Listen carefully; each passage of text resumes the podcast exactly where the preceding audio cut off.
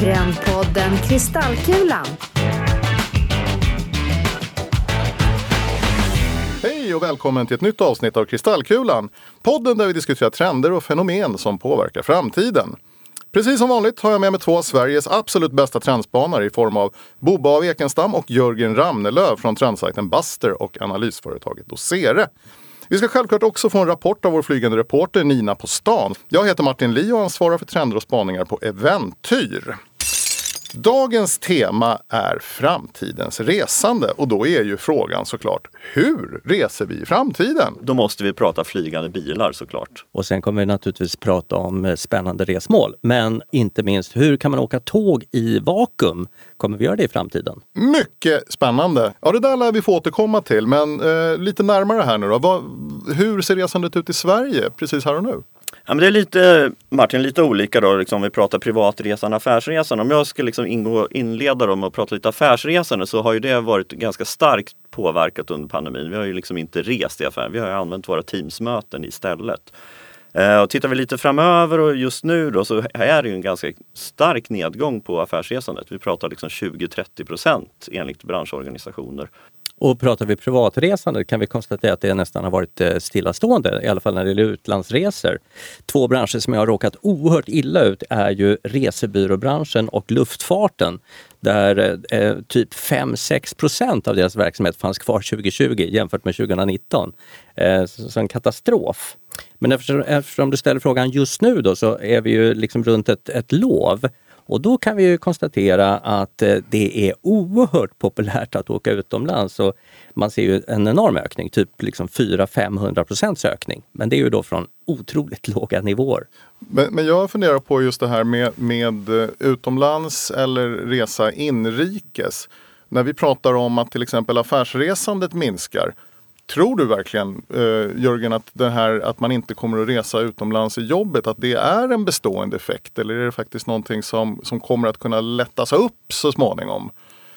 Ja, men man, man, kan ju se, liksom, tittar man på, det har ju gjorts en rad olika undersökningar, bland annat Booking.com har kollat på det här och, liksom, och det, det de undersökningarna visar är att det finns ett enormt resesug. Alltså en stor majoritet av människorna svarar ju, både när det gäller affärs och privatresa, att man vill ju verkligen resa. Så att där finns den drivkraften finns ju där. Frågan är ju snarare, liksom, kommer vi att kunna resa? Det är ju en stor, ett stort frågetecken. Även om vi i Sverige kanske upplever att smittspridningen nu eh, nästan är över så är det ju definitivt inte så i andra länder. Och även om eh, UD kommer liksom nya direktiv från 1 oktober att det är okej okay att åka utomlands, det är inte någon generell avrådan, så är det ju väldigt många länder som fortfarande har stängt.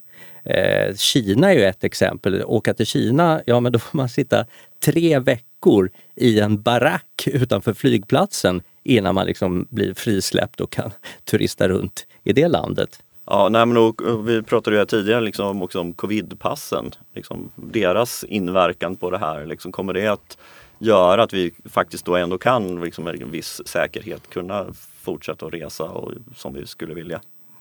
Det återstår att se faktiskt. Ja, men om vi bortser då från covidpass och så. På, på hemmaplan eh, så har det ju, jag menar innan pandemin så pratades det enormt mycket om att man skulle investera i i kollektivtrafiken. Att det är det nya moderna sättet för människor att resa. Och det här måste ju ha fått sig en ordentlig smäll. Att man sätter sig inte gärna i, i en buss där folk plötsligt hostar eller nyser. Eh, eller för all del i en tunnelbanevagn heller då. Nej, Nej men så är det ju. Och, eh, här kan vi verkligen se ett förändrat resemönster på, på, väl, alltså just på kort sikt i alla fall. Eh, jag menar, kollektivtrafiken i Stockholm till exempel har gått ner 42 procent. Och det är liksom inte någonting man liksom bara hoppar upp och går och återgår till det normala igen, skulle jag vilja säga. Och som du säger, liksom, det finns ju många aspekter kring det här som lever kvar i folks medvetande som gör att man liksom dämpar det här, vilket kommer att antagligen ha påverkan på en rad andra trafikslag skulle jag vilja säga. Och det ser vi redan nu. Till exempel bilåkandet har ju ökat. Många väljer att ta bilen. Så av andelen 34 procent till 45 procent tar bilen till och från jobbet nu. Det är en rätt hög siffra. Och vi cyklar dessbättre allt mer. Cyklingen har ökat med 6 procent under pandemin nu. Det är ju bra för alla, miljön och individen som får träna. Men om man, man hakar på det, vad, vad, vad kan man tänka där? Jag menar, för det är ändå så att bilismen har ju ökat avsevärt mycket mer än, än cyklandet. Eh, kommer vi se ännu liksom, högre biltullar i storstadsregionerna? Designar man bort bilåkandet därför att det på något vis är någonting man inte vill ha så mycket av kanske? Ja, men här tycker jag, det tycker jag är jättespännande. Vi ska prata elbilar lite senare i programmet. Och det, är, alltså det här med liksom framtidens trafik överhuvudtaget och trafikslag. är ju- Det blir, alltså miljön har ju varit en väldigt stark drivkraft för att gå över till kollektivtrafiken.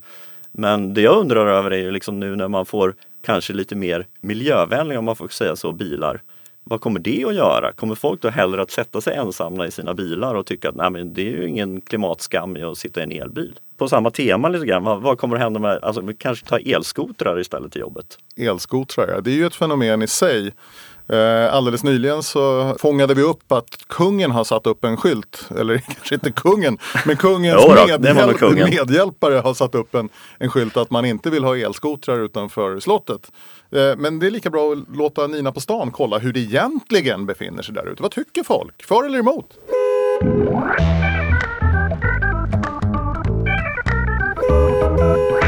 Elsparkcykel. För eller emot? För. Ja, men det är ett bra sätt att ta sig från dörr till dörr. Eh, så det finns ett syfte med dem absolut. Emot. För, ja men alltså man vill ju ha, eh, man vill ju ha rörelsen. Man vill ju ha aktivitet. Man vill ha benstyrka. För? Nej, men det känns som ett eh, smidigt transportmedel. Är är det något du brukar använda själv? Nej, jag är lite skeptisk till säkerheten. Så li lite mot eller? Ja, lite tudelad. Men rent eh, som idé så absolut. Utveckla säkerheten bara. Ja men nu fick vi ju bekräftat att det här är ju verkligen en vattendelare. Vad, vad beror det här på egentligen? Eh, det är ju bra med elsparkcyklar, väl? ja, jo men det kan man tycka. Det är det säkert också på, i vissa aspekter. Sådär, liksom. jag, jag är inte så förvånad liksom, med tanke på att i Sverige är ju i princip marknaden nästan totalt oreglerad. Det är liksom djungelns lag som gäller. Liksom, det är bara att släppa ut det. Det finns 23 000 elsparkcyklar nu i Stockholm och det säger väl att det går inte obemärkt förbi. Ser man till exempel på andra länder som Danmark, där har man ju slagit ner väldigt hårt på det här och i princip förbjudit det. Och eh, nu till årsskiftet läste jag så ska de till och med införa hjälmtvång vilket man tror kommer att minska intresset ännu mera där nere. Så att, nej, men här behöver det hända något tror jag. Jag tycker det är så intressant att det här delar in mänskligheten i två läger. Eh, jag har jättemycket kompisar som jag tycker är fullt normala som hatar elsparkcyklar. Och jag var ute på stan för eh, något år sedan faktiskt eh, och såg en äldre gentleman med välklädd som gick omkring och så alla elsparkcyklar han såg välte han omkull. Eh, så de låg slängda på trottoaren. Men det är ju i grunden ett ganska bra fortskaffningsmedel. Och, och om man pratar bilfria eh, citykärnor så är det en utmärkt sak. Eh, ja, väldigt många städer runt om i världen vill ju bli, bli bilfria och kämpa för det. Vi ser många exempel, till exempel i Holland, i Utrecht så bygger man en helt ny stadsdel med 12 000 invånare som ska vara helt bilfri. Nu vet inte jag om de har elsparkcyklar där, men de har ju väldigt mycket cyklar. Och det ska inte förvåna mig om elsparkcyklar finns där också. Det är, ja, det är intressant med de känslor som de här fordonen eh, uppbringar. Nej, men jag tror också att man behöver hitta liksom den här i framtiden, den här mixen. Alltså vilken plats har det här i liksom, mobilitetskedjan? Vad, vad, vilken funktion fyller elsparkcyklarna? Där. Många av de här eh, ska säga, stora bussoperatörerna och så som, som kompletterar sin flotta just med, det finns ett helhetstänk. Det man kallar för mobility as a service Exakt. eh, är, är en del av hela i, i infrastrukturen som man bygger upp. Eh, Och det betyder ju att det ändå på någon sorts övergripande nivå finns en förändringsvilja och det här motståndet är det egentligen en så grundläggande mänsklig rädsla eller, eller eh, olust inför förändringar där man känner att det här eh, är inte som jag är van vid. Det tror jag att du har rätt i. En rädsla för förändring. Det, det, det händer något nytt som vi är ovana vid och, och, och ryggmärgsinstinkten är ju alltid hmm, det här var något negativt. Det, det, det är det första vi tänker när en förändring sker. Och sen tror jag att man gjorde, ett av generalfelen man gjorde var just att man släppte det oreglerat. Och du säger 23 000 i år, då, då ska vi veta att det var 14 000 förra året va Jörgen? Ja, Stämmer det? precis. Ja, Det är som den här pad- paddelboomen. Paddel och Ja. elsparkcyklar, det är liksom den nya tidens melodi. Precis. Man åker elsparkcykel till paddelhallen.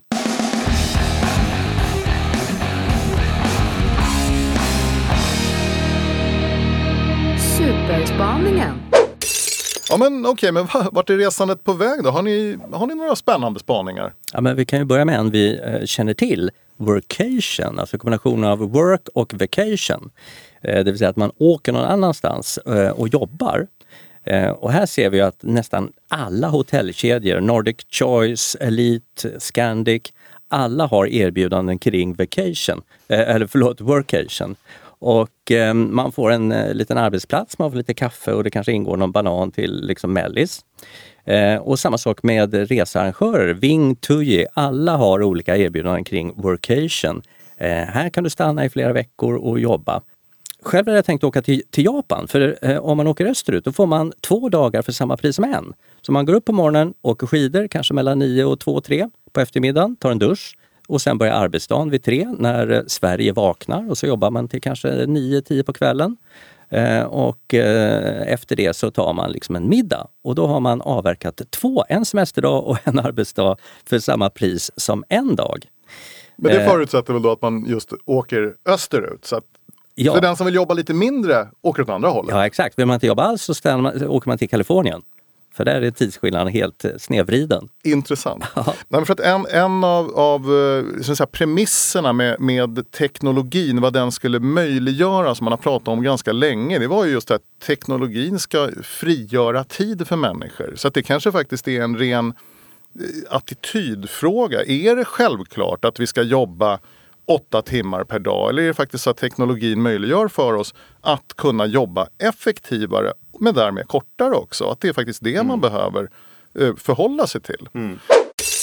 Eh, Om vi nu ändå liksom gör den här uppdelningen på privat och jobb och säger så här, när vi åker på vacation, vad gör vi då? Har det också förändrats på något sätt? Ja, men när, när man åker på riktig vacation, det vill säga semester, eh, så har vi sett en förändring som har pågått ganska länge och det är att vi vill ha aktiviteter, träning, lära oss någonting, hälsoresor etc.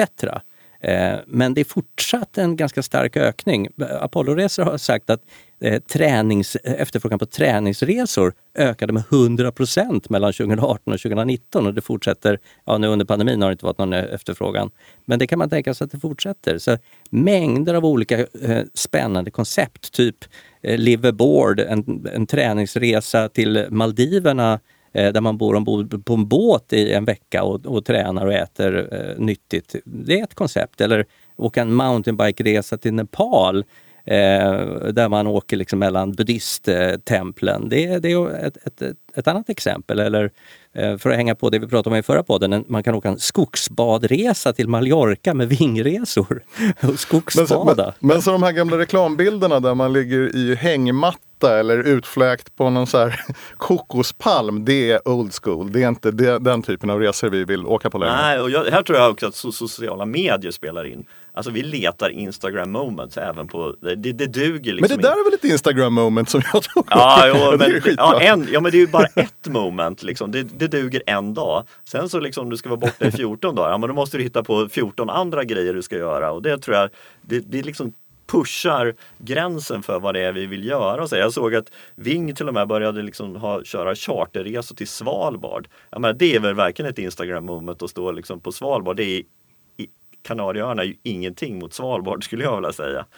Så att där tror jag att vi kan se liksom att, liksom gränsen flyttas hela tiden. Man ska bräcka varandra Ja, det i ska- de mest så här, Ja. märkvärdiga aktiviteterna. Ja, ju mer spektakulärt desto bättre.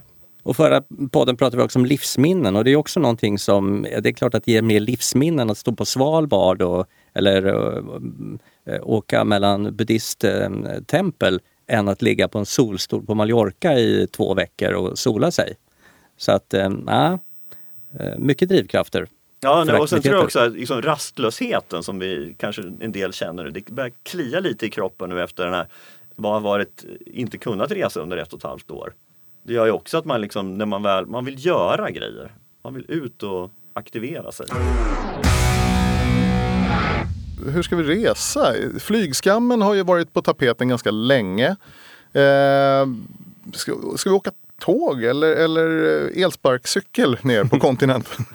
Ja, nej men jag, jag, jag stack ju in det lite tidigare här, liksom att elbilar, vi måste ju prata om elektrifieringen av resandet. Jag menar, och hela hållbarhetsaspekten på det. Det är flygskam och det är liksom det ena efter det andra. Liksom vad vi, hur vi ska göra och inte få göra. Både på kort, korta resor och, och långa resor. Och här är vi ju inne i ett stort skifte i, skulle jag vilja säga, i samhället. Eh, att gå från att vi kan ha en väldigt fossildrivet eh, liksom trafikslag till att gå mot ett, just nu i alla fall, ett mer elektrifierat samhälle. Eh, I Sverige så passerade vi 100 000 sålda elbilar här för inte så kort sedan och tittar vi på Norge så tror jag senaste siffran var 97 procent av alla bilar som säljs är eldrivna. Man siktar på 100 i början på nästa år. Och här, det här kommer ju att påverka samhället, det kommer att påverka vårt resande. Och på toppen av det så kommer ju reglering. I, no I Frankrike har man börjat prata om att förbjuda alla eh, flygresor som är under två och en halv timme. Eh, Miljöpartiet i Sverige hängde på och tyckte att man skulle förbjuda alla flygresor mellan Stockholm och Göteborg.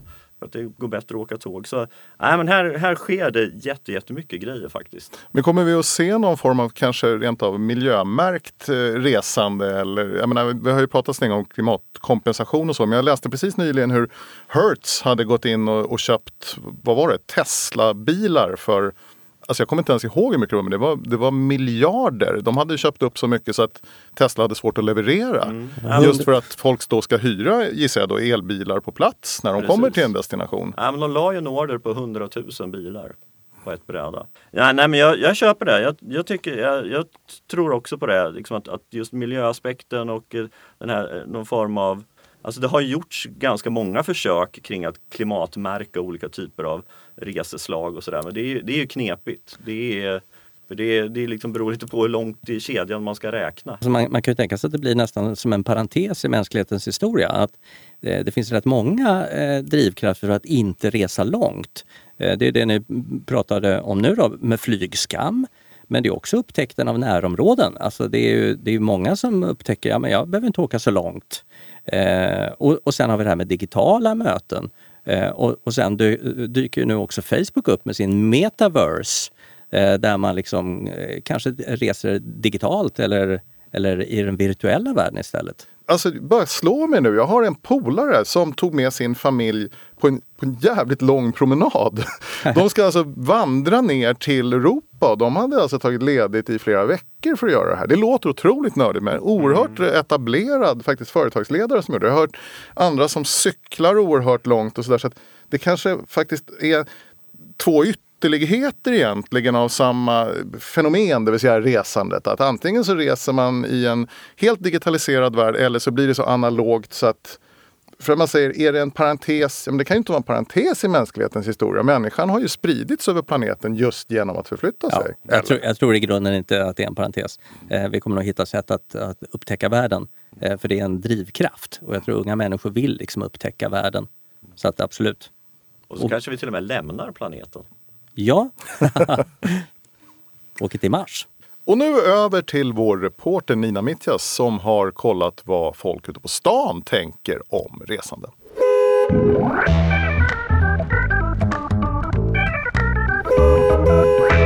Hur, hur gammal är du Malte? 19.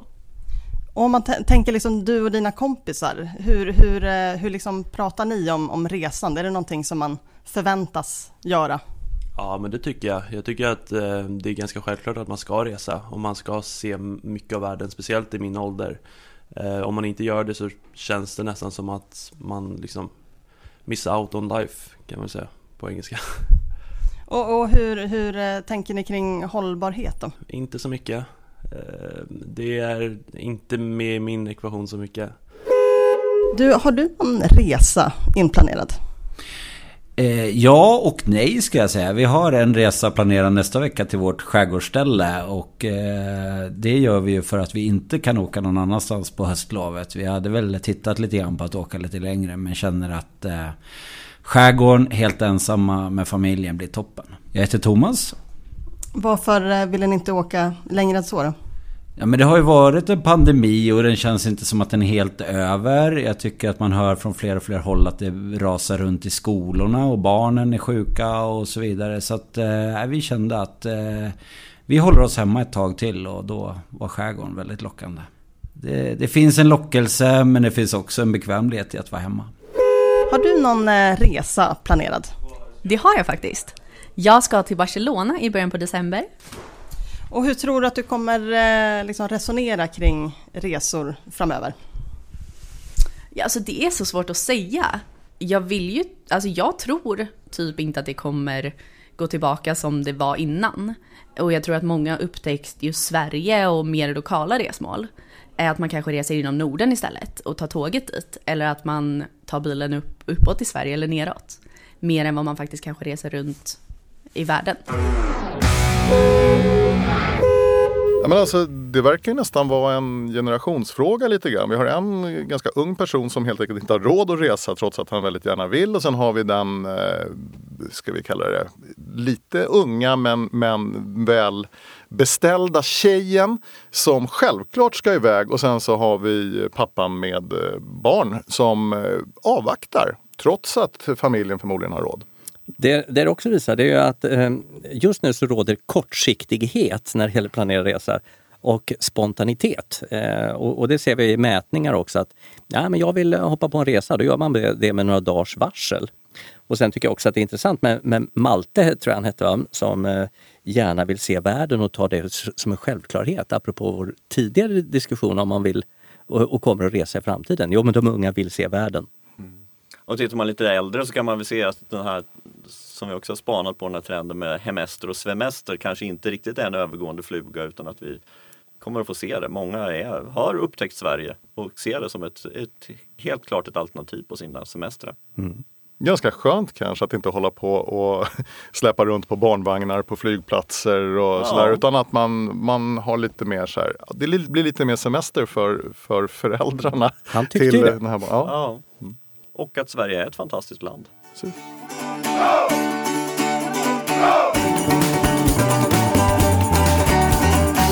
Spotted in the horizon! Men okej, okay, hur ser vi på det här med resande på lite längre sikt? Till exempel självkörande bilar. Börjar vi närma oss det här? Eh, både ja och nej skulle jag vilja säga. Alltså, å ena sidan kan man säga ja men vi har kommit, alltså tekniken är i princip här och eh, tittar man till exempel på Googles bolag Waymo så, på, upp, så uppger de att de har eh, nästan klockat 20 miljoner mil i sina bilar. Så rent tekniskt kan man nog säga att jo men vi är nog faktiskt där och att tekniken utvärderas. Men det återstår ju väldigt mycket utmaningar. Inte minst skulle jag vilja säga etiskt. Alltså vill vi ha självkörande bilar på vägarna och hur ska de fungera då? Liksom, det finns ju många dilemman kring att programmera en en, det är ju inte bara det att den ska upptäcka saker utan den upptäcker ju saker och då måste vi ju tala om för bilen hur den ska agera. Eh, så att där återstår väl en hel del att diskutera. Skulle jag skulle vi också vilja så här, bryta in, vill vi? Jag menar, jag vet ju, vi har ju en producent som med en riktig blyfot som älskar att köra alla fordon som finns. är det Nettan vi pratar om? alltså själva eh, upplevelsen av att få köra ska nog inte underskattas. Kan inte det faktiskt vara ett av de största motstånden här egentligen? Möjligtvis. Jag vet inte riktigt. Eh, om man drar en parallell så kan man väl säga att det kanske på början på 1900-talet fanns människor som resonerade samma sak, liksom det här med att rida. För att de tyckte att ja, men, jag har ju alltid tagit hästen dit när jag skulle till olika saker när bilen kom. Jag tror att det blev liksom en rekreationsföreteelse istället. Och det skulle mycket väl kunna hända med själva bilkörandet. Jag tror nog att de flesta människor i väldigt många situationer gärna hade bytt ut att sitta bakom ratten mot att liksom ägna sig åt någonting annat. Mm. Ja, det är klart. Bilköer på morgonen till exempel. Men, men då tänker jag spontant att det kanske framförallt är taxi, kollektivtrafik, den typen av lösningar som är inkörsporten till det här på något vis? Jo men det kan det vara. Vi, alltså Jörgen, vi har gjort studieresor både till Kina, eh, till eh, Beijing och, och vi har gjort studieresor till Silicon Valley. Och på båda ställen så har vi stött på självkörande bilar. I Kina var det företaget Baidu som är Googles kinesiska motsvarighet. Och där åkte du runt eh, självkörande bilar och i Silicon Valley eh, lika så. Eh, och en hel del av de försök som har gjorts handlar ju om kollektivbuss, självkörande bussar och sådär. Så att eh, helt klart, men jag, jag, tror nog att det kommer gälla bilar också. Sen besökte vi i och för sig Lyft mm. eh, som är mm, eh, ett taxiföretag och de eh, satsar jättemycket på självkörande taxibilar och tänker att det där är ju sättet man kommer transportera sig på. Det blir mycket billigare för lönekostnaderna sjunker. Så att eh, det är framtidens sätt att transportera sig runt stan, kanske istället för elsparkcyklar. No, jag vill minnas att även, vi pratade just om, om busstrafik. Jag vet att Nobina till exempel som ju kör eh, bussar, eh, de experimenterar ju ganska mycket med självkörande bussar faktiskt redan. Mm. Och har väl kanske till och med några i trafik om jag inte minns Ja, jag var i Linköping för ett par veckor sedan och på Linköpings universitetsområde går det faktiskt självkörande bussar just nu. Så då är det här redan? Ja, egentligen. det är redan här, ja. absolut. Nej, men jag, jag är ju såklart intresserad av, av ännu ett steg framåt och vi var ju inne på det precis, precis när vi började podden här flygande bilar, är det ett fantasifoster eller är det faktiskt någonting som är på gång? Ja, men flygande bilar, det är, det är på något vis själva sinnebilden av framtiden. Om du tittar på varenda framtidsberättelse från 1900-talet så innehåller de garanterat alltid en flygande bil. Det har varit liksom familjen Jetson, liksom man, liksom, man, det är så man kommer att resa. Blade Runner. Ja, Blade Runner. Alla liksom, de här har någon form av flygande bil. Och vi är nästan där faktiskt. Jag menar, tekniken har kommit ganska långt. Det finns en, red, eh, en rad olika eh, projekt ute där. Det finns faktiskt ett svenskt projekt som just heter Jetson Air faktiskt. Som har då tagit fram en första sån här liksom prototyp när det gäller en, liksom en enmansflygande bil som då ska kunna eh, Ja, man ska kunna ha då som sin egen lilla grej och fara omkring med. Är det egentligen en bil? Ja, men det, här, det här är ju eh, en, en, bil eh, som eh, man kör med i trafiken och sen eh, eh, fäller man ut eh, någonting eller om det är liksom samma teknik som i drönare eh, så lyfter man och åker iväg någon annanstans. Och, och, jag håller med Jörgen om att det här finns ju nu, um, inte kommersiellt, men det är mm, jättemycket projekt och till och med Airbus eh, håller på med projekt kring det här. Eh, och det är inget litet företag. Och I Kina finns det Xpeng, Eh, heter de, som håller på eh, att ta fram eh, flygande bilar. Och de planerar att rulla ut det där 2024. Det är ju liksom om ett par år. Vi får se om det blir verklighet. Och sen finns det ett, ett israeliskt företag som har också kommit väldigt, väldigt långt. De har en, en apropå din ensitsmaskin Jörgen, så har de en, det de kallar en two-seater, det vill säga för två personer, eh, som nu är i drift och den har en räckvidd på eh, typ 17-18 mil. Eh, och, och eh, hela det företaget satsar på personliga flygande bilar, inte något så kommersiellt eller kollektivt, utan personliga bilar. Mm. Man får väl hoppas bara att det inte blir som med elskotrarna. Att man bara släpper lös de här ute i samhället utan att man faktiskt... För en av de stora utmaningarna är ju eh, re regleringar och säkerhet liksom, kring de här. Liksom, hur ska vi liksom, få de här att fungera i, i, Alla liksom, i flyger till ja, jobbet. Nej. Jag tror nästan man kan säga att, det, det, är det som är problemen. Ja. Det är regelverken och säkerheten. För att tekniken är här. Mm. Eh, och de är också, många, de flesta av de här är ju drivna av el. Så att eh, de är ju miljövänliga. Precis. Men du var inne på det här med, med Airbus och vi pratade flygskam tidigare. Så det här tycker jag är super, super intressant. Är det faktiskt så att vi tror att vi kommer att kunna flyga med så att säga, passagerartrafik som är eldriven inom en snar framtid? Eller, eller liksom, räckvidden har ju länge varit den stora frågan. Vad, vad, vad säger de där? Kortare sträckor så finns det flygplan idag som, som klarar mm. liksom med mm. eldrift och, och, och köra passagerare.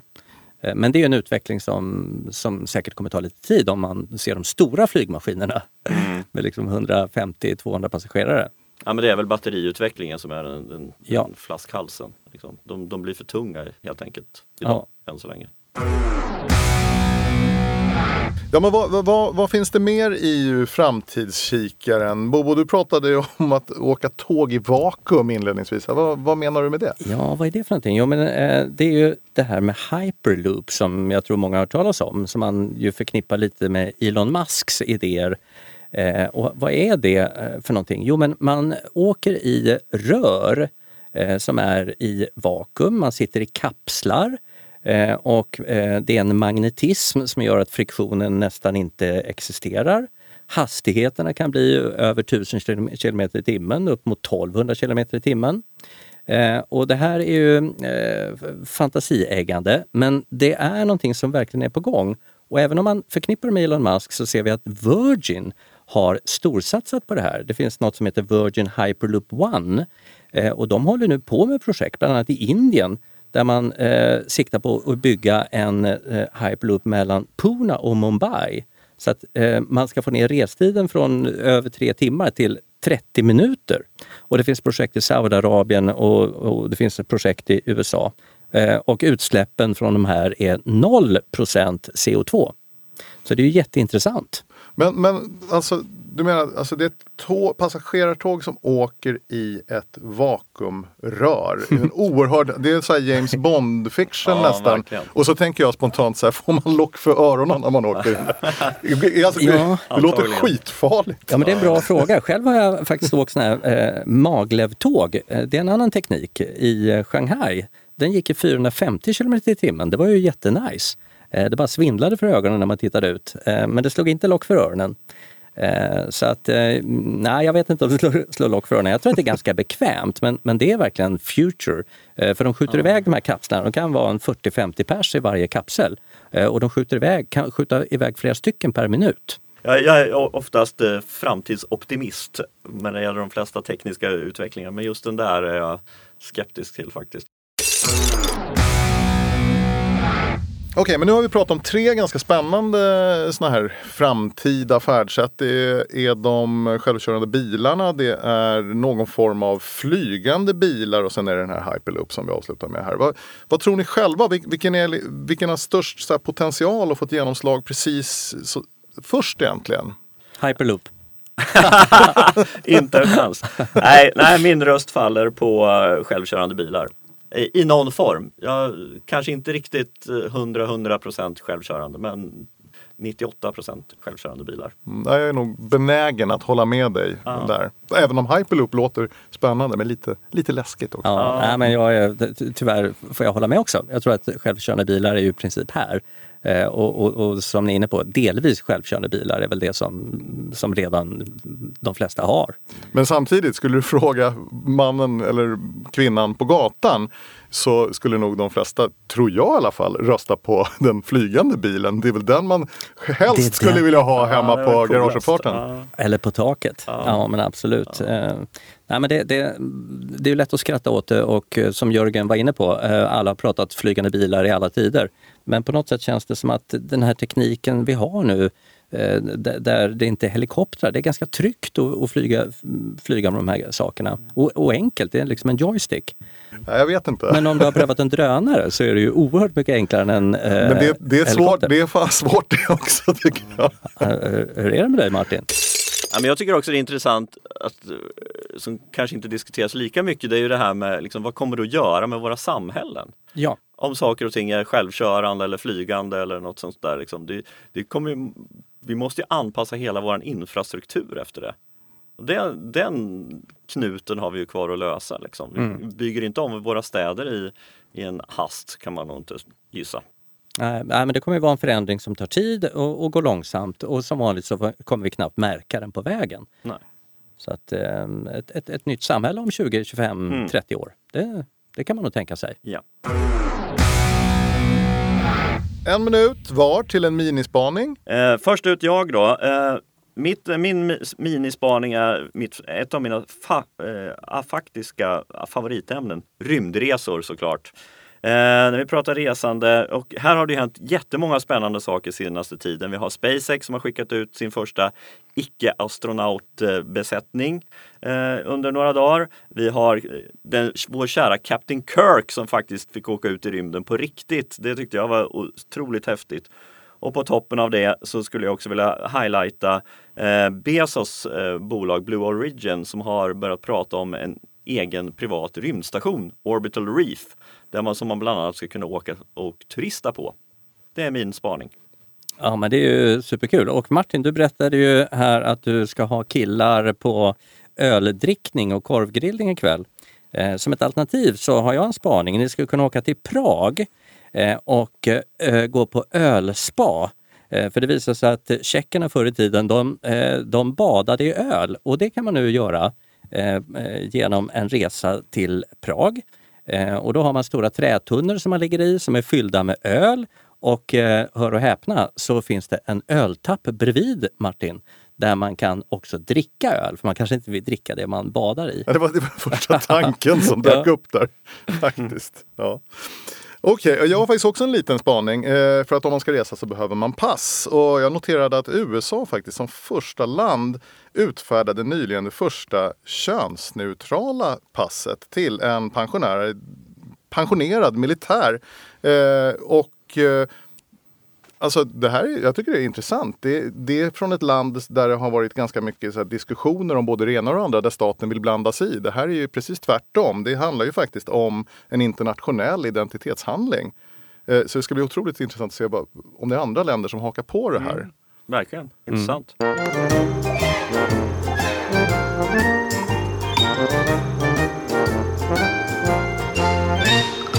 Tidsmaskinen. Idag har vi ju faktiskt två fenomen som har fallit lite i glömska. Mm. Ja, den första är ju då, vi, vi pratade tidigare om elbilar.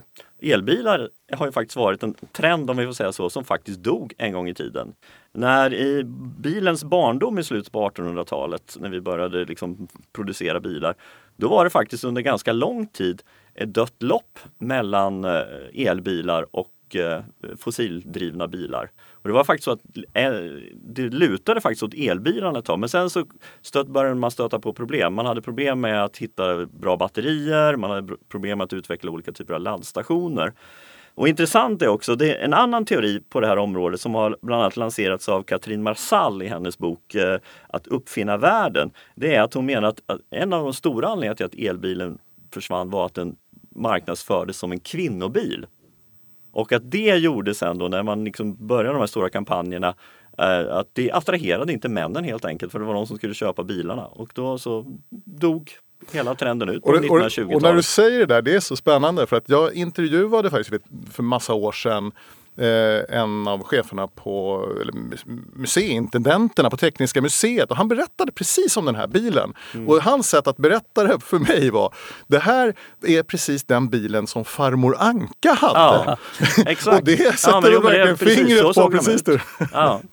Nej men hela, hela idén var ju samma som vi har nu. Det var att skapa en bil som var liksom miljö, liksom, tyst och enkel att ta sig fram med i stadsmiljö. Det är precis det vi vill ha nu också. Det är intressant att fråga sig om elbilen kommer vara en fluga igen Ja. och ersättas av inte, ja, någon ny drivteknik. Ja. Ja, men det andra Martin vi ska prata om är ju det här med Interrail, Interrail-kortet som jag hade sin storhetstid på 80-talet. Eh, Då, eh, jag tror att eh, just eh, 1980 där så såldes typ 100 000 Interrail-kort varje år. Och, och det är ju rätt många. Eh, jättemånga av mina kompisar, jag eh, interrailade inte själv, men väldigt många, många av mina kompisar. Eh, men det, det försvann typ 91, 92. En ekonomisk kris i landet gjorde att det inte var särskilt lönsamt längre att åka runt med tåg i Europa. Eh, och sen kom lågprisflyget eh, och slog ut det hela. Så att eh, nu har det väl varit en era med typ Asien. Mm. Ska man åka till när man har, liksom innan man börjar på universitetet. Eh, då är det Asienresan som stod på agendan. Men, men det känns ju lite som att interrailkortet skulle kunna faktiskt komma tillbaka igen. Att det, att det hittar liksom ny... eh, Ja, det har du helt rätt i. Och faktum är att det finns kvar. Man kan Mm. köpa ett Interrailkort idag, men det, det är inte så många som pratar om det. Men det kan definitivt komma tillbaka. Och Mhm. eh, man pratar ju faktiskt om att ha lite sådana där eh, friktionslösa långresor runt i Europa med tåg. Eftersom, Ja, framförallt i Europa tänker jag, liksom intresse, intressedrivet. Om man eh, till exempel gillar fotboll och kunna åka runt mellan olika länder och följa flera ligor parallellt. Det går ju faktiskt verkligen att planera en sån resa. Ja, men exakt. Och det blir ju oerhört mycket mer prisvärt än att hålla på. Kanske kommer ett uh, interrailkort för Hyperloop. Då Ja. skulle det slå igenom på riktigt. Jajamän. Men, men man kan tänka sig om elbilen då har varit en trend eh, som dog och nu är tillbaka så skulle man kunna tänka sig att Interrailkortet går samma öde till mötes. Det vill säga att det dog men kommer komma tillbaka. Mm. Så 2022-2023, ja men då är det Interrail som gäller för ungdomar igen. De klimatmedvetna ungdomarna. Det tror jag vi håller tummarna för lite Ja, det det känns som en väldigt Bra sympatisk idé. utveckling. Mycket bra idé. Ja, jag håller tummarna. Alright, vi avrundar traditionsenligt med en bortglömd eller aldrig upptäckt låt från den eminenta sajten Forgotify. Sajten där du kan hitta de här små guldkornen eller vad det nu är. Där Martin kan hitta guldkorn. som ing, ingen har, uh, har uh, fått syn på innan dess. Uh, idag har jag faktiskt plockat fram en låt med artisten Antonio Hart som heter Peace, Love and Light och som uh, för associationerna till resande tänkte jag. Ah, trevligt. Hur låter den?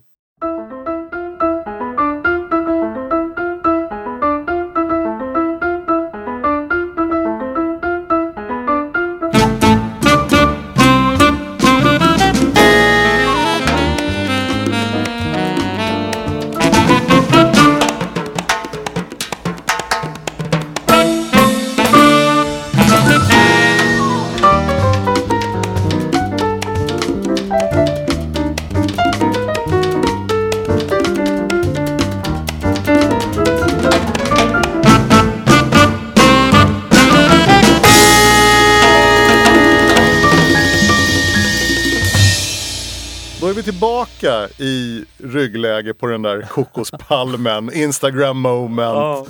Eh, lite så här sköna varma vindar nu när vi drar in i, i de kalla, Åh, karga, blåsiga höstvindarna här i Sverige. Oj, oj, oj, oj, oj. Ett covidpass på det och jag är iväg. Tack mina herrar för ännu ett intressant samtal eh, som i alla fall får mig att ännu mer eh, längta iväg på en härlig resa någonstans. Kanske till Karibien i ett vakuumtåg. Vi får se. Eh, nästa gång så ska vi prata om värderingar. Vi ska spana på vad är det som händer med värderingar där ute i världen som på något vis påverkar våra beteenden och annat. Och, och vi kommer prata om status quo-samhället bland annat. Wow, det Mm, låter spännande. intressant. Hej då! Hej då! Hej då, res försiktigt. Trendpodden Kristallkulan. En produktion av Eventyr i samarbete med Dosere och Buster.se.